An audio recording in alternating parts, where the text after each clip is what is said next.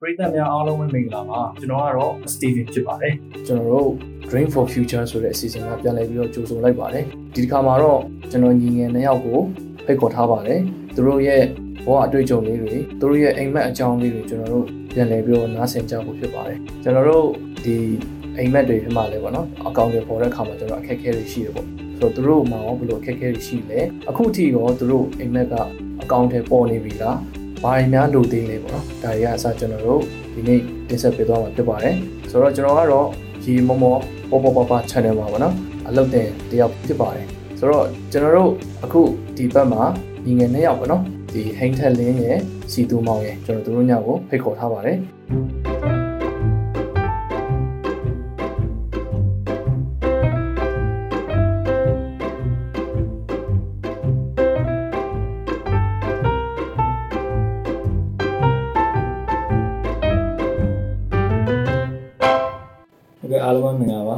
န်တော်နာမည်ကတော့စီတူမောလို့ခေါ်ပါတယ်ကျွန်တော်ကတော့အမြင်အာရုံဒီဇိုက်ဒီဇိုက်တာတန်ဆွမ်းသူဖြစ်ပါတယ် grade 8မှာပညာသင်ကြားနေတဲ့ကျောင်းသားတစ်ယောက်ဖြစ်ပါတယ်ဟုတ်ကျွန်တော်နာမည်ကတော့ဟိတ်ထက်လင်းဖြစ်ပါတယ်ကျွန်တော်က blind ပါလုံးဝ blind နည်းနည်းမှမမြင်တော့ပါဘူးဒါပေမဲ့အခုတော့ကျွန်တော်က grade 4မှာပညာသင်ကြားနေတဲ့ကျောင်းသားပဲဖြစ်ပါတယ်1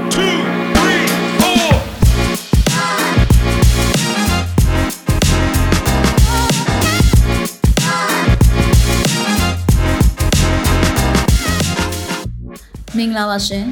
ရေရေမုံမုံပို့ပို့ပပရဲ့အပတ်စဉ်ပုတ်တဟူးနေ့မနေ့10:00နာရီတိုင်းတင်ဆက်နေကြဖြစ်တဲ့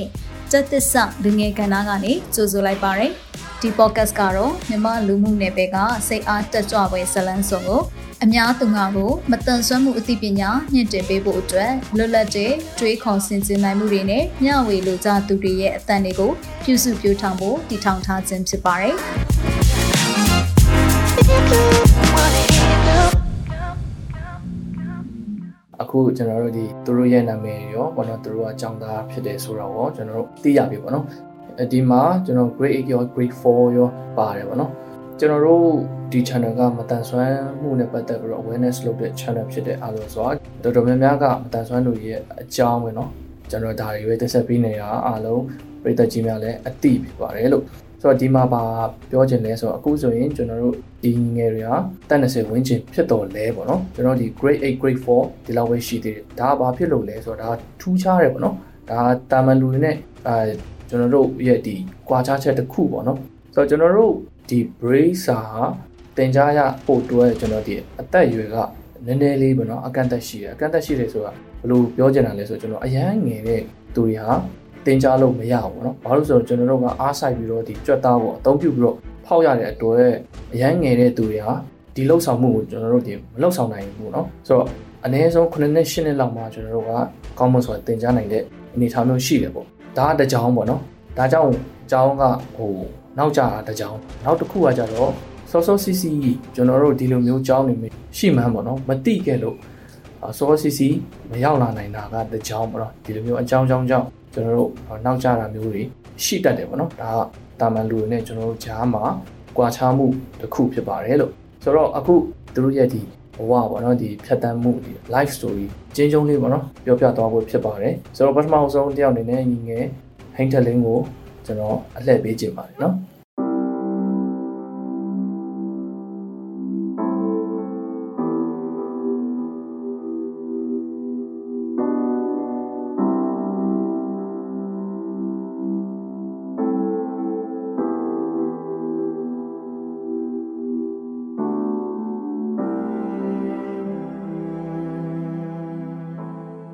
ဟုတ်ကဲ့ကျွန်တော်ကတော့မကွေးတိုင်းဒေသကြီးတောင်ရင်းကြီးမြို့နေတဲ့အောင်နော်ရွာလေးတရွာမှာနေထိုင်ပါတယ်ကျွန်တော်က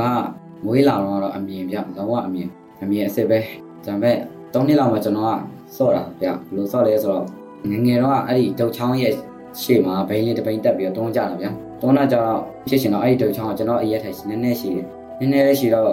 ကျွန်တော်အရှိကိုတွန်းတော့ကြတာဒုက္ခဘိန်းကကျွတ်သွားတယ်ဗျကျွတ်ပြီးတော့မြေကြီးနဲ့ထောက်ပြီးတော့ဒုက္ခမြောက်ပြီးမျက်လုံးကို ဒီဘယ်ဘက်မျက်လုံးကိုလာထိသွားတယ်အဲ့နဲ့အစပိုင်းတော့ဒီတိုင်းပဲကျင်းချင်းကျင်းချင်းနဲ့ပဲမြင်တော့မြင်ရသေးတယ်ဘာမှတော့ဖြစ်မလာတယ်အစပိုင်းတော့ဒီတိုင်းပဲကျင်းပဲကျင်းနေဆက်ပဲဆက်တယ်အဲ့နဲ့လေးနှစ်လောက်ကျတော့ကြောင်းတက်တယ်ဒီအဲ့လိုအဲ့ပုံစံနဲ့ပဲမျက်စင်းခတ်လိုက်တာမန်စီကမ်းပဲပြလိုက်အဲ့လိုပဲအဲ့နဲ့ကြောင်းတက်တယ်သူငယ်တယ်လူငယ်တန်းတက်တယ်သူငယ်တန်းပြီးတော့နားနေကြတော့တဒန်းရောက်တယ်ဗျာတဒန်းကြတော့တဖြည်းဖြည်းနဲ့မှုံလာအဲ့ဒီတစ်ဖက်ကအစတော့နောက်ဆုံးတန်းမှာထိုင်ရနောက်ဆုံးတန်းကနေတဖြည်းဖြည်းနဲ့အဆင့်ကမြင့်မြင့်လာအရှိတန်းတုံးအရှိတန်းနဲ့ဒုတိယတန်းဒုတိယနဲ့ ပထမခုံတန်းထိရောက်လာအောင်အဲ့လောက်ဒီမျက်လုံးကအရှိနေစိုးလာတစ်ဖက်အဲ့နောက်ကြတော့အဖေမေတွေကတိလာအောင်နည်းနည်းသတိထားမိလာဟဲ့ဒီကလေးလမ်းသွားတာဘာဖြစ်လို့ဟိုကဝင်တိုက်တာဝင်တိုက်ဖြစ်နေရလဲဆိုနင့်မျက်လုံးတေချာပြတဲ့ဆိုမျက်လုံးလဲလာကြည့်ရောအမမျက်လုံးတစ်ဖက်ကဒဏ်ရာတွေ့အောင်လားနေရဲပြီးတော့လိုမျိုးမျက်လုံးကျိန်းတာလည်းကိုယ်ထိမပြောက်တယ်ကဲကဲဒီလိုဆိုမဖြစ်တော့ဘူးတဲ့အဲ့နဲ့မကွေးစေးရုံသွားမယ်ဆိုရင်စေးရုံမှာပြစေးရုံမှာပြတော့စေးရုံကခွဲရမယ်တဲ့အဲ့နဲ့ခွဲလိုက်ရောပေါ့ခွဲပြီးတော့သူတို့ညက်ကမှန်ထည့်ထည့်ပြီးတော့ကောင်းသွားပြီပေါ့နော်အဲ့နဲ့အိမ်ကိုပြန်လာတယ်တကယ်တော့ ညက်ကမှန်ထည့်ပြီးငြိမ်ငြိမ်နေရမှာဒါမှကျွန်တော်ကလေးဆိုတာငြိမ်ငြိမ်မနေဘူးကျုံးနေပြေဟိုပြေဒီပြေလို့လို့တော့အဲ့နဲ့ထည့်ထားညက်ကမှန်ညက်ကမှန်ထွက်ကြသွားရတယ်အဲ့လိုမျိုးအဲ့နဲ့တလားလောက်လဲနေရောအဲ့ဒီတစ်ဖက်ကလုံးဝလုံးဝမမြင်တော့ဘူး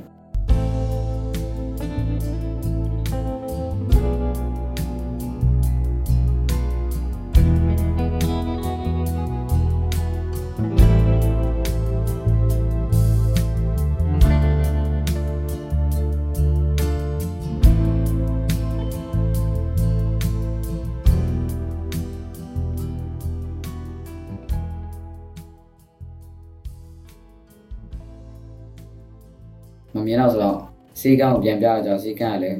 မရတော့ဘူးတဲ့ဒီဘက်တစ်ဖက်ကတိန်တိန်ဖြစ်တိန်ကတိန်ကကုလို့မရတော့ဘူးတဲ့တိန်ကတော့တစ်လုံးလုံးဖုံးသွားတယ်ချစ်ထုတ်လို့လည်းမရတော့ဘူးတဲ့အဲ့နဲ့ကဲတစ်ဖက်ပဲကြံတော့တယ်ဆိုပြီးတစ်ဖက်ပဲကြံတော့တော်ပါသေးရဲ့တဲ့အမေတို့အဲ့လိုမျိုးပြောပြီးတော့ကဲအိမ်ကိုပြန်လာအိမ်မျိုးပြန်လာဒီတိုင်းပဲចောင်းဆက်တက်နောက်တော့တဒန်းတဒန်းအောင်နှစ်ခါတက်လိုက်ရတယ်ပါ6နှစ်မှာတက်တဲ့တဒန်းကျတော့တော့နှစ်တော့နဲ့စီကန်းနေပါပြဟိုသွားဒီသွားနေဆိုတော့ចောင်းတက်ရတဲ့အချိန်ကနေတယ်ဗျာအဲ့နဲ့နောက်တစ်နေ့ဆက်တက်အောင်ခုနှစ်နှစ်မှာလည်းတဒန်းပြန်တက်တယ် အဲ့နဲ့နှစ်ဝက်လောက်ကြာတော့လေဒီဒီ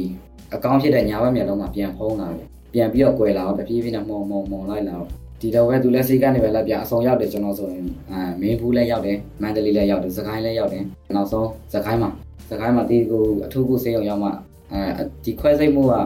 လောက်ရရင်အကြီးစားခွဲစိတ်မှုလောက်ရမယ်တဲ့ဒီမျက်စိကခေါင်းကနေခွဲရမယ်တဲ့အတန်အန်ဒီလည်းရှိရတယ်ပြီးရင်သွားပြန်မြင်ရမယ်မမြင်ရမယ်ဆိုတာလည်းမသေးချဘူးပေါ့နော်အဲကြောင့် မိဘရပြောတယ်ခွဲမှလားမခွဲဘူးလားအဲ့နဲ့အမေတော့မခွဲတော့ဘူးတဲ့အဲ့နဲ့မခွဲတော့ဘူးဆိုပြီးတော့အိမ်မှာပဲနေရပါတော့အိမ်မှာခုနှစ်နှစ်ကလည်းဟုတ်တယ်ခုနှစ်နှစ်ရှစ်ရှစ်နှစ်ကိုးနှစ်ဆယ်နှစ်ဒီတိုင်းပဲအိမ်မှာပဲစားလိုက်တောက်လိုက်နဲ့အချိန်ဖြုံးခဲ့ရပါတော့ဆယ်နှစ်ထိအိမ်မှာပဲအဲ့နဲ့နောက်ဆယ်နှစ်လောက်ကြာတော့မိကမေးလာတားတယ်နေကြောင်းတက်ရှင်လားတဲ့အဲ့နဲ့ဟာကြောင်းတက်ရှင်လားဆိုတော့ဟိုကအဲ့တော့ကလေးဆိုတော့တိတ်ဘာမှမတွေ့ဒီတိုင်းပဲစားလိုက်တော့အရှိပွားရပါလေကြုံမလို့ဒီတိုင်းပဲအေးဆေးဆေးပျော်ပျော်ပါးပါးနေရကြောင်းတက်ရှင်လားဆိုတော့ဟာအမေတားမှမမြင်တော့တက်လို့ရတော့လား အေးတဲ့မျက်မမြင်နေတင်လို့ရတယ်မျက်မမြင်ကြောင်းရှိတယ်တဲ့အမေရန်ကုန်မှာရှိတဲ့အမေတငယ်ချင်းကဖုံးဆက်တယ်ပေါ့နော်တက်ရှင်လားဆိုတော့ဟာအဲ့နဲ့စဉ်းစားတည်းရပဲကျွန်တော်လည်းဟာအမေအမေပဲအဲ့ဆိုရင်ကျောင်းကတက်တက်လုံးသွားနေရမှာလားမဟုတ်ဘူးတဲ့တနေ့တစ်ခါတော့ကျောင်းပိတ်တဲ့ချိန်တော့ပြန်လာလို့ရမှာပေါ့အဲတခြားစဉ်းစားမှလိုက်မယ်ပေါ့နော်လိုက်မယ်ပြောပြီးမှဒီကျောင်းကို2016ခုနှစ်မှာရောက်လာပါရဲ့ဟုတ်ဒါကတော့ကျွန်တော်ဘွားရဲ့ဒီငယ်ကလေးကနေဒီကျောင်းကိုရောက်လာတဲ့အချိန်ထိပေါ့နော်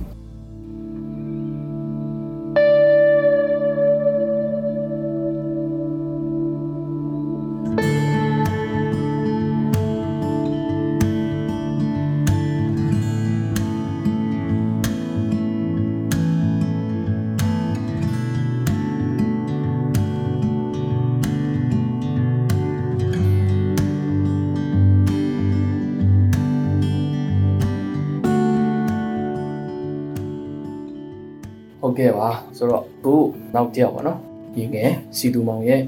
ဒီသူ့ရဲ့ဘဝပေါ့နော်ဖြတ်တန်းမှုဒီ story အချင်းလေးကိုဆက်ပြီးတော့ကျွန်တော်နားဆင်ကြည့်အောင်နော်ဟုတ်ကဲ့ကျွန်တော်ကတော့ AI တန်းတရားကြီးပန်းတော်မျိုးမှာရှိတဲ့ရွာလေးတဲမှာနေတဲ့ကျောင်းသားတစ်ယောက်ဖြစ်ပါတယ်ကျွန်တော်ကတော့ဆက်လာတော့ကိုယ့်ကိုယ်မျက်စိမမြင်မှန်းမသိဘူးအိမ်ကလူရလည်းမသိဘူးဘာလို့လဲဆိုတော့ကျွန်တော်အမြင်အယုံတစ်စိတ်တစ်တာမှတ်တမ်းစံမျိုးဖြစ်ရဆိုတော့အမြင်တွေတန်းလူလျှောက်သွားနိုင်တယ်သူတို့ဆော့ရင်လည်းဘောလုံးလျှောက်ကန်နိုင်တယ်အဲ့လိုဆော့နိုင်ဆိုတော့မသိဘူး ကျွန်တော်ဘယ်ချိန်မှသိတယ်ဆိုတော့ဟို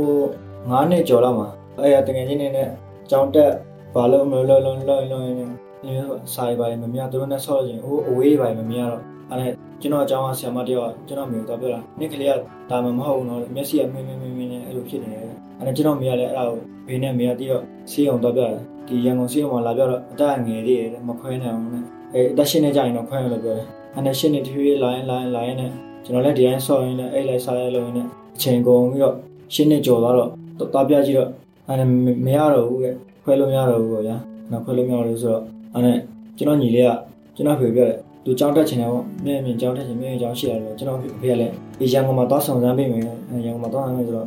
အဲ့ကျွန်တော်ညီလေးကိုကြောင်းပို့မဲ့နှစ်မှာပဲကျွန်တော်ကမျက်စိအာရုံရောအရန်အားနေလာကျွန်တော်မွေးရမွေးရပါအာရုံရောအားနေအဲ့လိုရှိတယ်ဆိုတော့အဲကျွန်တော်ညီလေးကိုကြောင်းပို့မဲ့နှစ်မှာပဲကျွန်တော်အဲ့လိုမျိုးတော်တော်လေးအားနေပါကျွန်တော်ညီလေးနဲ့ကျွန်တော်ရဲ့2023ခုနှစ် မှာဒီမြင့်မြင့်ကြောင်းကိုရောက်လာခဲ့ပါတယ်ပြီးတော့ကျွန်တော်ရောက်လာတဲ့အခါမှာလည်းကျွန်တော်ရဲ့ကျွန်တော်မြင်ရတဲ့တွေမှာဆိုကျွန်တော်တယောက်ပဲကျွန်တော်အဲ့လိုထင်ခဲ့တာပါဗျအဲကျွန်တော်ရဲ့ဟိုဘွားအချင်းချင်းလေးတော့ဒီလိုပါပဲ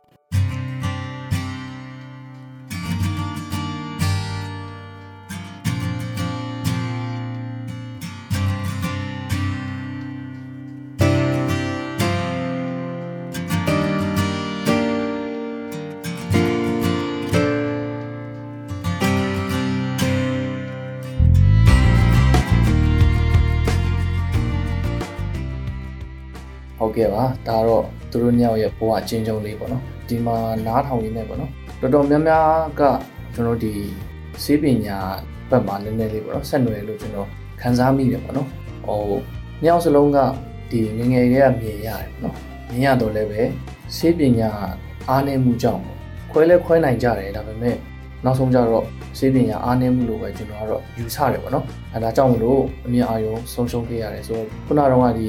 စီတူမောင်ဆိုရင်လည်းသူ့မှာလည်းညီလေးတယောက်ရှိတယ်သူတို့ညီကိုနှစ်ယောက်လုံးသူ့ညီလေးကတော့ totally blind ပေါ့နော်သူကတော့ဒီ partially ပေါ့နော်ပြန်နည်းနည်းလေးမြင်ရတယ်သူတို့ကိုယ်တိုင်ကဒီအမြင်အာရုံတန်ဆွမ်းမှုနဲ့ပတ်သက်ပြီးတော်တော်လေးဒါမိဘတွေကိုယ်တိုင်ပါပေါ့နော်ဟိုအလန်းဝေးတယ်ဆိုတာသိရတယ်ပေါ့နော်ဆိုတော့သူကိုယ်တိုင်ပြောရတယ်ပေါ့နော်ဒီအကြောင်းမှရောက်လာတော့နည်းနည်းမြင်ရတာဆိုတော့သူတယောက်တည်းရှိတယ်လို့ထင်ခဲ့တယ်ပေါ့နော်ဆိုတော့တော်တော်များများလဲပေါ့နော်ဒီလောက်ကြီးမျက်မြင်လည်းအများကြီးစုနေမယ်လို့မထင်ကြဘူးပေါ့နော် ရောက်လာမှပဲအော်ဘဝတူတယ်အများကြီးပါလားဆိုတာမျိုးတွေပေါ့နော်အဖြစ်ကြတာတော်တော်များပါတယ်ကျွန်တော်တို့ကိုယ်တိုင်လည်းဒီလိုမျိုးခံစားခဲ့ရပါတော့အခုကျွန်တော်တို့ဒီသူတို့ဘဝမှာပေါ့နော်ကြုံတွေ့ခဲ့တဲ့အမှတ်တရရှိမှာပဲပေါ့နော်ဆိုတော့တချို့ဟာလေးတော့လည်းဒါသင်ခန်းစာရစရာပေါ့နော်ဒါမှမဟုတ်လည်းရီးစရာမောစရာများဖြစ်ခဲ့တဲ့ဟာလည်းရှိမယ်ပေါ့နော်ဆိုတော့ဒါလေးပေါ့နော်တစ်ခုမဟုတ်လည်းနှစ်ခုလောက်ပေါ့နော်အပြောပြီးဖို့အတွက်အဲဒီတစ်ခါတော့ငငယ်စီတူအောင်ပဲပထမဆုံးအချိန်ပေးခြင်းတယ်ပေါ့နော်ကျွန်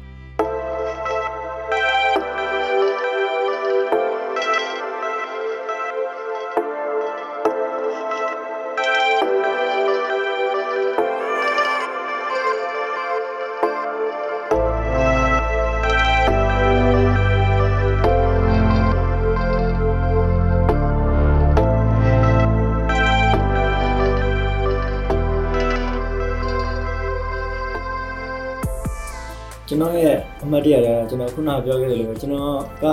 ဒီလိုနည်းနည်းမြင်ရတဲ့လူကကျွန်တော်တော့ပဲကျွန်တော်ထင်တယ်။အဲနဲ့ကျွန်တော်တကယ်ကြီးတော့ကျွန်တော်တို့အဲ့မှာစာလေးနောက်လေးရှိကျွန်တော်ငယ်ရဲ့အဲ့လိုမျိုးစာနောက်တယ်ဗျ။ညောင်နေမင်းတို့ကမင်းတို့ကရိုက်မယ်ကွာမင်းတို့ကလိုက်ဖမ်းကြကွာအဲနဲ့ကျွန်တော်အဲ့လိုထင်တယ်။အဲသူကမမြောက်လို့ထင်တော့ကျွန်တော်တို့အဲ့လိုသွားစားအဲစားကျွန်တော်တကယ်ကျွန်တော်ဖမ်းတာသူတို့အားလုံးကျွန်တော်မိတယ်ဟာမင်းတို့ကဘာလို့မိရလဲကျွန်တော်တို့အမြင်ပြောင်းငါလည်းနည်းနည်းမြင်ရတယ်ဟာနည်းနည်းမြင်ရတာမင်းမင်းတို့လည်းမြင်ရလားကွာအဲ့ဒါကျွန်တော်အဲ့လိုအော် မျက်စိနည်းနည်းမြင်ရလို့ငါတယောက်တည်းမဟုတ်အများကြီးရှိပါလားဆိုတော့ကျွန်တော်အဲ့လိုတွေးမိလာတယ်ဗျာဟုတ်ကဲ့ဒါကတော့ပေါ့နော်ငယ်တုန်းကသူကြုံတွေ့ခဲ့ရတဲ့အမှတ်တရလေးပေါ့နော်အခုကျွန်တော်တို့တယောက်ညီငယ်ပေါ့နော်ဟိန်ထက်လင်းသူ့ရဲ့အမှတ်တရလေးလည်းကျွန်တော်တို့ဆက်ပြီးတော့နားထောင်ကြည့်အောင်နော်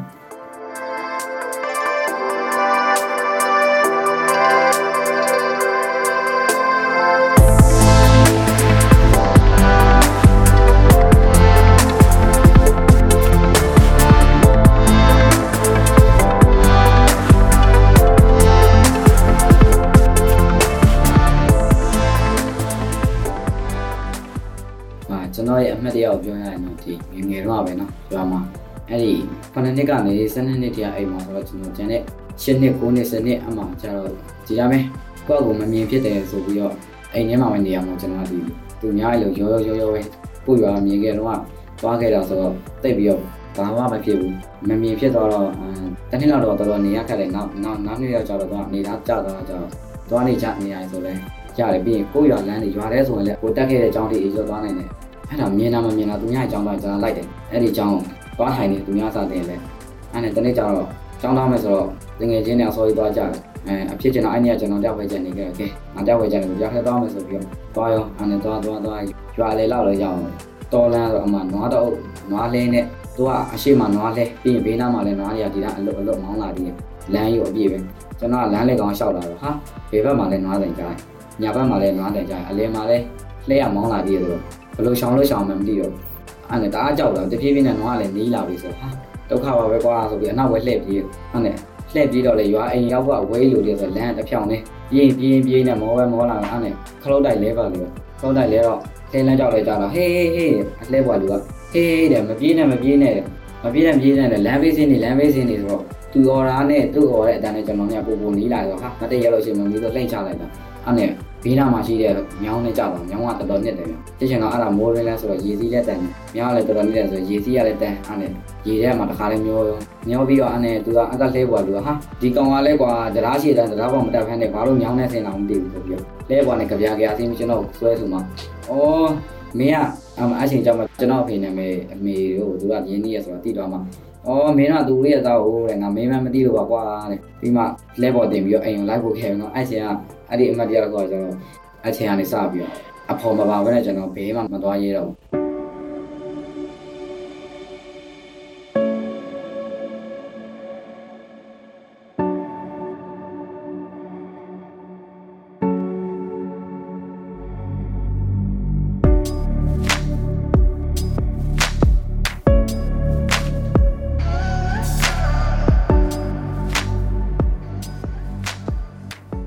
ပြီးရင်နောက်တစ်ခုကကျတော့တကြံရေပတ်တာတကြံဆိုတော့ကျွန်တော်တို့အင်ရှင်မှာလမ်းကားလမ်းရှိရဆိုတော့အိမ်ကနှစ်တိုင်းမန်တက်ထိုးတယ်အင်ရှင်မှာမန်တက်ထိုးတယ်ဘောက်တွေဖွင့်တယ်ရေပတ်တယ်အဲ့ဒီ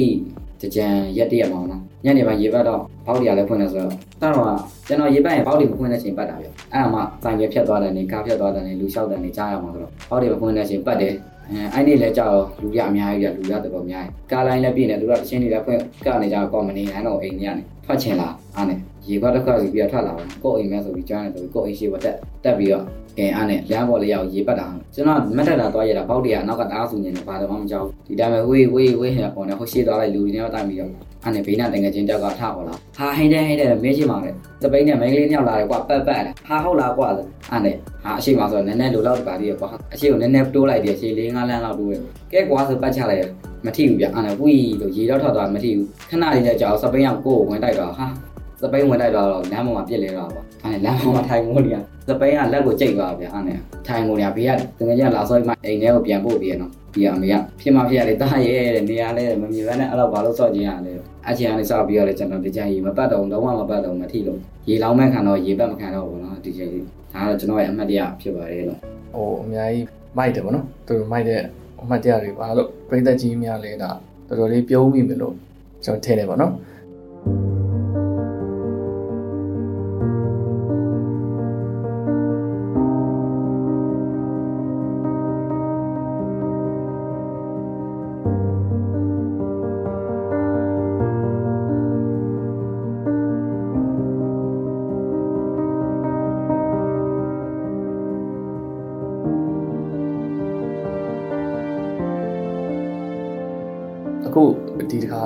သူတို့ရဲ့အိမ်မက်အကြောင်းကျွန်တော်နည်းနည်းလေးပြန်ပြီးနားဆင်မှုဖြစ်တယ်ပေါ့အခုနောက်ပိုင်းမှာဆိုရင်လူငယ်တွေတော်တော်များများမှာ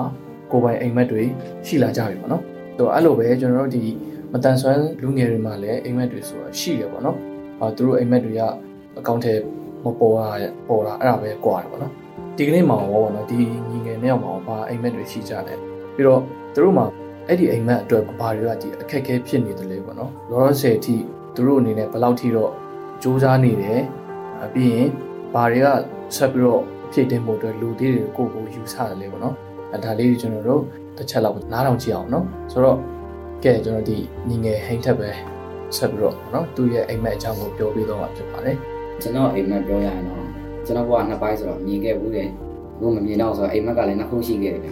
အာပထမတစ်ခုကတော့မြင်ခဲ့တော့ပေါ့နော်အဲ့တော့ရုပ်ရှင်တွေမှာကြည့်ရင်နန်းကြကားကြည့်လို့အာတိုက်ကြီးရင်လည်းတကယ်အိမ်နဲ့မိုက်တယ် ကားရင်လည်းဆိုတော့ဟာငါလည်းတနေ့ကြာဒီလိုမျိုးဖြစ်အောင်ကြိုးစားမယ်ကွာဆိုပြီးငငယ်တော့ရှိခဲ့ပေါ့နော်မြင်ခဲ့တဲ့အထိပဲအာရှိခဲ့ဘူးအဲ့ဒီအဲ့ဒီအတွေ့အကြကျွန်တော်တို့အာဒီကြောင်းရောက်လာတဲ့အထိပါခဲ့ဘူးလေဗျဒီ2019အထိကိုဒီတိုင်းပါခဲ့တယ်နောက်ကျတော့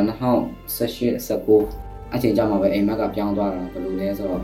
မြင့်မဲ့မြင်ဖြစ်လာတယ်ဆိုတော့ကျွန်တော်ကဒီသူများသူများကိုညီကြမလို့ကနဲ့ကိုဘွားကိုရက်တည်နိုင်ပြီးတော့ကိုမိသားစုလေးနဲ့ကိုကနေနိုင်တဲ့ အိမ်မက်မျိုးပြန်ရှိလာတော့နော်ဒီချိန်ကျတော့ကိုပိုင်ကိုပိုင်အလုံးနဲ့ဗျာကိုပိုင်ရက်တည်နိုင်တဲ့ကိုရဲ့ဘဝကိုအဲအဲ့လိုမျိုးဘဝထိရအောင်ဖြစ်ရှင်တဲ့အိမ်မက်ခုတော့ဖြစ်လာပါတယ်လို့ခုတော့စူးစမ်းနေစေပါတော့အဲ့အိမ်မက်ဖြစ်ဖို့အတွက်အမ်ဘာလို့အဲ့နေလဲဆိုတော့ကျွန်တော်တို့ဒီကျွန်တော်အဲ့ဒီအိမ်မက်တွေဖြစ်ဖို့ကျွန်တော်စူးစမ်းနေရအခုဆိုအကြောင်းအကြောင်းဆောင်တက်မယ်ပြီးရင်ကွန်ပျူတာတင်မယ်အာကြောင်းတက်နေတဲ့ကွန်ပျူတာတင်မယ်ပေါ့နော်ပြီးရင်ကိုယ့်ဘက်ကကိုလုံနိုင်တဲ့မြပညာတွေအဲတခြားဒီ chat တို့ တခြားတခြားပေါ့နော်ကိုယ်နဲ့ကိုက်ညီတဲ့ကိုလုံနိုင်တဲ့မြပညာတွေကိုလေ့လာမယ်လို့လည်းစဉ်းစားထားရပါတော့အခုကြိုးလဲစူးစမ်းနေရကျွန်တော်ကပူပါလို့နေလဲဆိုတော့ဤပညာပေါ့ဤပညာအခက်အခဲရှိတယ်အဲ့ဒါပဲပေါ့ပြီးကျွန်တော်ဘက်ကဘာဖြစ်ဖို့လိုလဲဆိုတော့စူးစမ်းမှုပိုင်းရယ်ဒီဤပညာပိုင်းရယ်ပေါ့နော်ဒါပါပဲ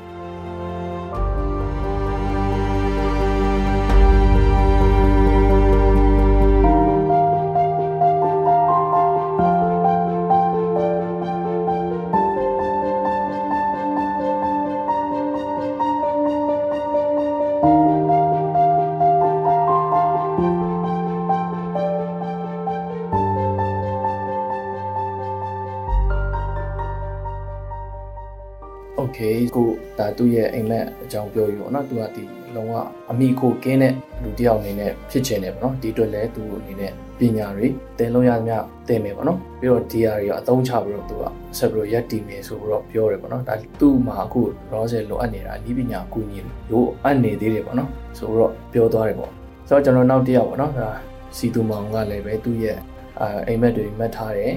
အာဘလို့ကြီးစူးစမ်းနေတယ်ဘာရောလူနေသေးတယ်ဆိုတာကိုပြောပြီးတော့မှာဖြစ်ပါတယ် ဟုတ်ကဲ့ကျွန်တော်ကတော့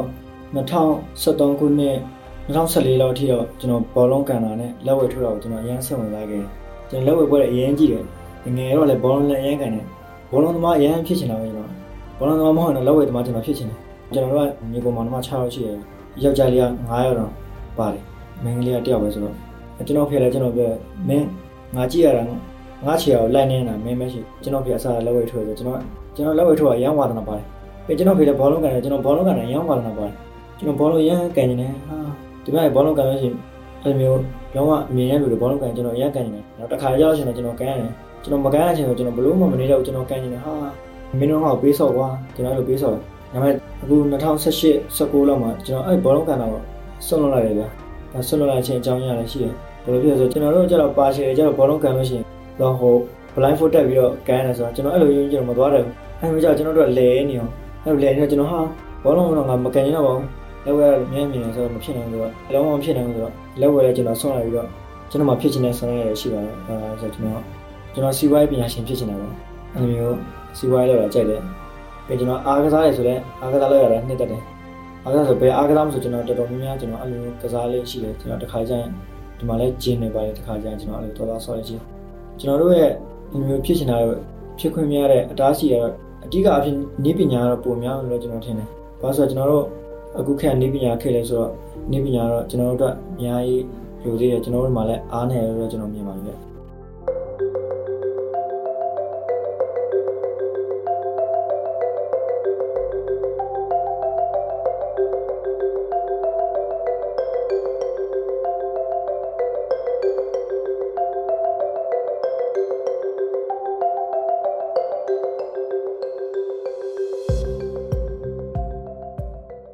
ဟုတ်ကဲ့ပါဆိုတော့ကိုနှစ်ယောက်စလုံးကတော့သူတို့ရဲ့အိမ်မက်အတွက်ဒါစီကတော့နီးပညာလို့ပြောကြတယ်ပေါ့နော်အမှန်တကယ်တော့လည်း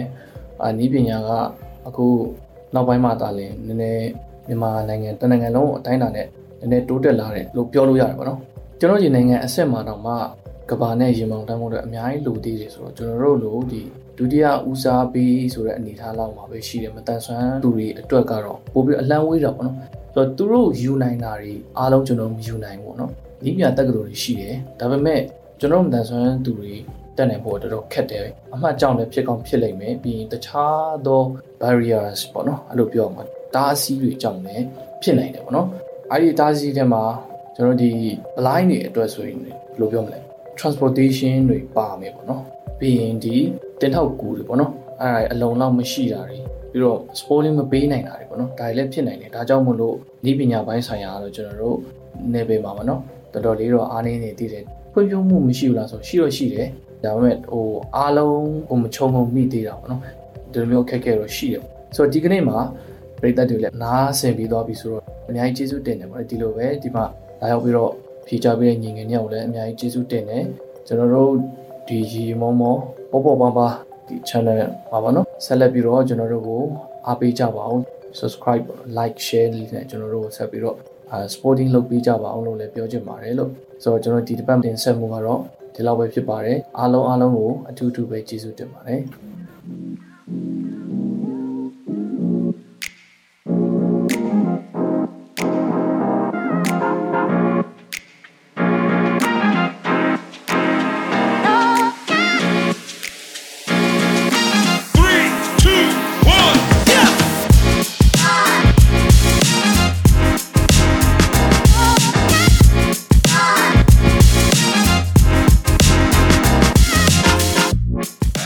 မတို့ရဲ့ရေရင်မမောပေါပေါပပပေါ့ကတ်အစီအစဉ်မှာအလုတ်တင်ဖြစ်ဖန်တီးမှုမျိုးစုံကိုလက်စွမ်းပြလှုပ်ဆောင်ဖို့စိတ်ပါဝင်စားသူများအနေနဲ့ Google Form ကနေပြီးတော့မှမိမိတို့ရဲ့မှတ်ပုံတင်ရှင်းနှောင်းနဲ့အလှတက်ပုံတစ်ပုံအပြင်နမူနာလက်ရာတစ်ခုနဲ့အတူအမြင့်ဆုံးရှောက်ထားဖို့ဖိတ်ခေါ်လိုက်ပါတယ်။နောက်ပတ်ဗုဒ္ဓဟူးနေ့မနက်10:00နာရီမှာပြန်ဆောင်ကြရအောင်နော်။